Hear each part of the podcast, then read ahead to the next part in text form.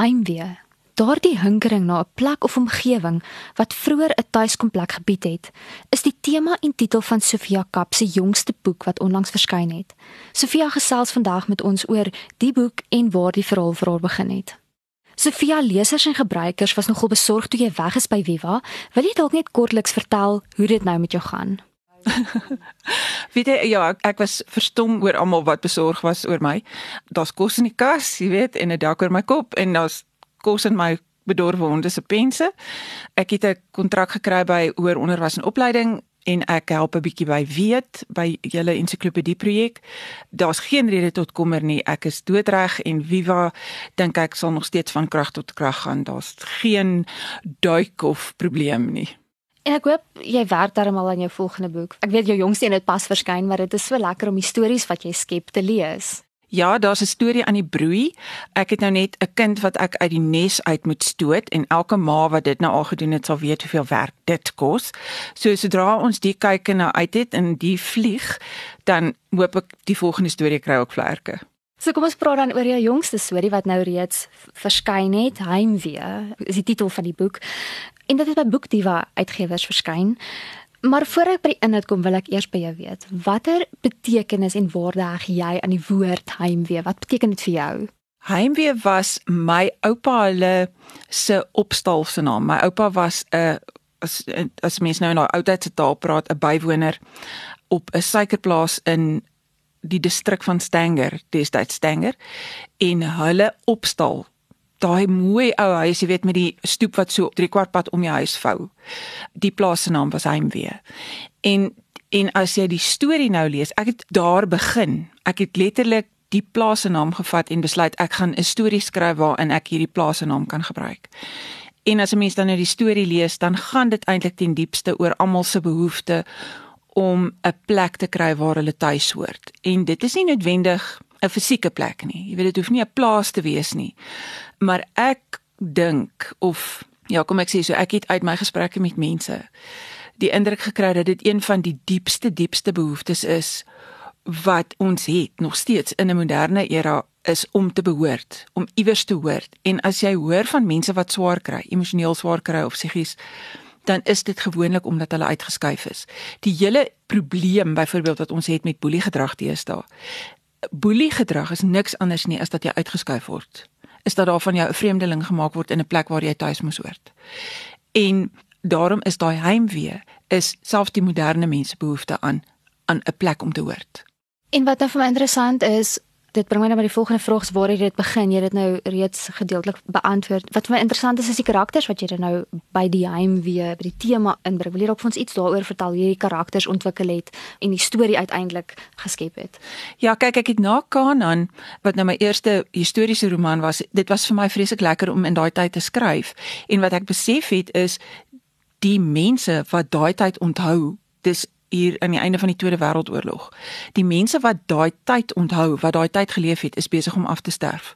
Ons het met ander woorde eerstehandse inligting oor daai tyd is ons aan die verloor.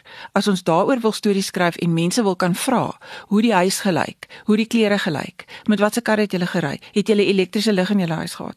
As ons sulke vrae wil vra oor stories wat ons oor daai tyd wil skryf, moet ons dit nou vra. Dit raak op. In hierdie boek het ek 'n ouer storie geskryf wat afspeel in ja, hier aan die einde van die oorlog 1945 en dan het ek 'n moderne storie geskryf wat eintlik lyk asof dit nou niks met die ou storie te doen het nie en ek gaan nou nie die geheim verklap nie. Lesers moet die boek lees om te verstaan hoe hierdie twee stories bymekaar uitkom, maar ja, die punt van die vertelling eintlik is dat al hierdie mense wat so luk raak in hierdie boek verskyn en karakters word in die boek, het dan uiteindelik een of ander band met mekaar en met hierdie plaas, heimwee. En op hierdie plaas wat dan eintlik nou aan almal behoort en niemand behoort nie en aan ons almal behoort, kom hulle dan nou almal tuis. Ek was nog nie self in 'n situasie waar ek moes afskeid neem van 'n geliefde nie. So ek kon nie heeltemal wat ek graag wil sê is dat ek saam met die karakters hulle emosies kon ervaar.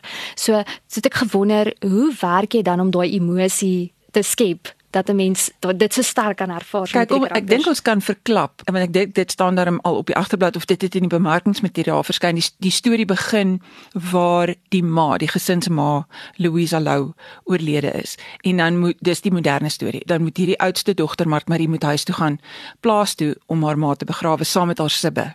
En as jy nou nog nie jou ma begrawe het nie, en ek sê dit nie 'n uh, uh, grappenderwys nie. Ek sê vir jou dis een van die moeilikste goed wat jy ooit gaan moet doen.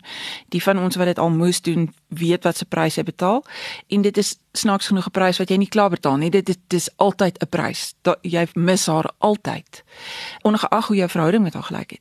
En Mart Marie se verhouding met haar ma was gekompliseerd. Daarvoor moet jy nou die boek lees. Ek gaan nou nie vir jou vertel hoekom nie, maar daai afskeid van jou ma is een van die moeilikste goed wat jy moet doen want dit is 'n afskeid van jou kinderjare.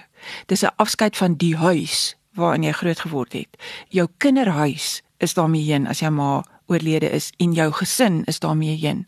En dis normaal, dis hoe die lewe loop. Jou ma sterf op 'n stadium af en jy mens moet dit aanvaar en dan vorm daar mos nou nuwe huisgesinne met nuwe ma's waarheen die kinders vir Kersfees terugkom en so aan.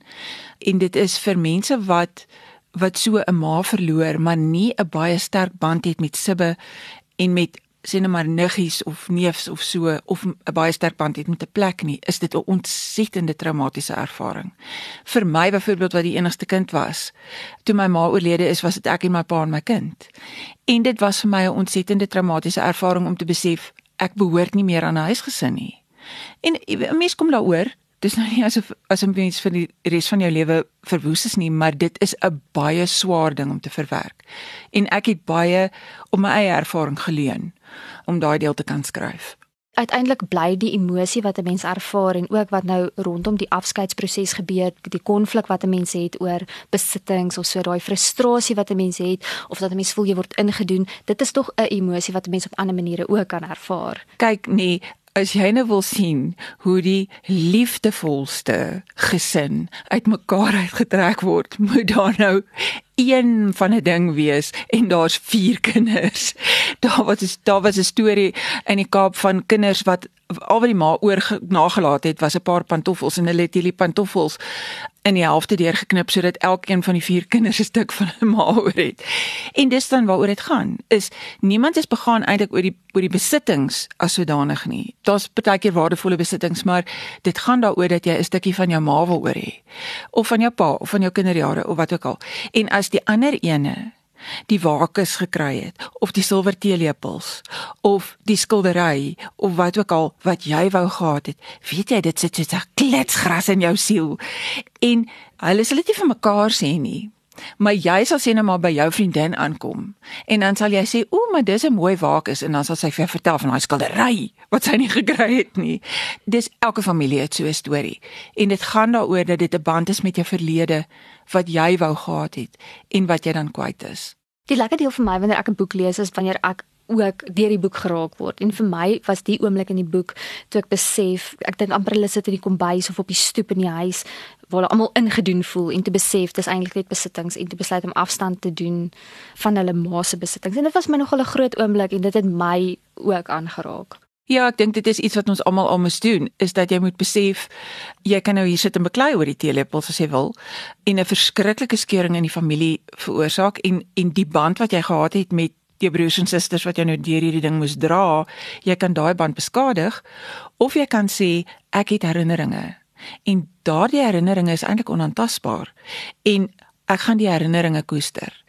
En ons almal doen dit maar 'n bietjie. Ons onthou ons ma en dan jy weet ons onthou sy was baie keer onregverdig en sy het geraas toe sy nie moes geraas het nie en sy was eintlik moeg en toe skree sy op jou maar 'n mens vergeet haar daarvoor. En 'n mens vergeet dit en dan onthou jy die mooi goed. Jy weet jy onthou toe jy siek was hoe jou ma jou versorg het. Jy onthou hoe sy agter jou kindswedstryde aangery het. En jy weet 'n mens onthou daai goed van jou ma. En dan hoop jy jou kinders is jou so genadig soos wat jy jou ma is by die afskeid.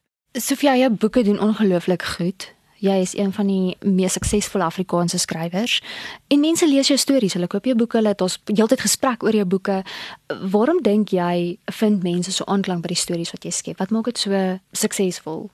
Ek het met Kanan het ek probeer inkoop of ja, ek het probeer aansluit by daai ouer geskiedenis van die Afrikaner oor die natte en die sappe waaroor ons vandag so lekker kan spot en daai tyd glad nie snaaks was nie.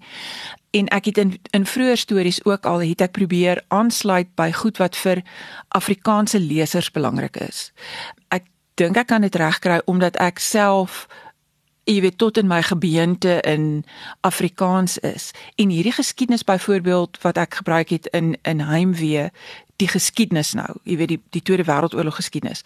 Daar het ek baie sterk geleun op 'n uh, gebeure in my eie familie. Daar was 'n uh, broer van my ouma wat gaan veg het in die Tweede Wêreldoorlog en hy was by Tebroek en hy was in Italië en ons het ek het vandag nog 'n kamee wat hy vir my ouma grootjie teruggebring het. Met ander woorde, dit was deel van my eie familie se oorlewering um, en ek het hierdie stories gehoor nou maar soos wat mense daaroor gepraat het. En dit was vir my fascinerend en ek ek het nog altyd gedink dis mooi stories. Met ander woorde, ek probeer skryf oor goed wat vir Afrikaanssprekendes landwyd van toepassing is en belangrik is. Ek ek probeer so skryf dat die dinge wat my karakters ervaar, goeders is wat my wat my lesers sal ervaar. Met ander woorde dit dit gaan oor daai ding van hulle vind aanklank by die mense. Ek probeer altyd 'n storie skep waarby iemand gaan aanklank vind. En ja, ek dink dit is omdat ek dink uit die hart van my eie Afrikaansheid uit skryf dat Afrikaanse lesers daarbey aanklank vind. Einwie is nog al 'n lywige boek. Hy's meer as 500 bladsye. So net vir interessantheid, hoe lank het jy aan hierdie boek geskryf? Kyk, dit vat my omtrent 'n jaar om 'n manuskrip klaar te maak, want dit is nie 'n uh, voltydse werk nie. Ek, baie min Afrikaanse skrywers uh, buiten Dion Meyer en miskien Janet Paul kan leef van 'n inkomste van uit hulle boeke uit. Ehm um, met ander woorde, mens skryf saans, nags, naweke wanneer jy ook al 'n tydjie kan afknyp en dan vat so 'n skepingsproses jou 'n jaar. Selfs al sou ek meer tyd gehad het, dink ek nie gaan dit vinniger gaan nie want die kreatiewe proses stap net soveel uit jou uit en jy het die tyd nodig om te groei saam met die karakters en om jy weet karakters is baie keer op maar weer te strewig en hulle maak wat hulle wil en dan moet jy nou eers weer nee nee nee nee nee nee kom net terug hierso by die storie waar ek jou gehad het. So dan dan is daar nou eers 'n week se spanning tussen my en die karakter met ander woorde 'n boek groei ook maar, jy weet, dit is soos 'n orgidee. Jy kan vir hom in 'n kweekhuis sit, maar as jy vir hom druk, dan blom hy ook nou nie soos wat hy moet nie. Dit gaan altyd vir my 'n jaar lange proses wees.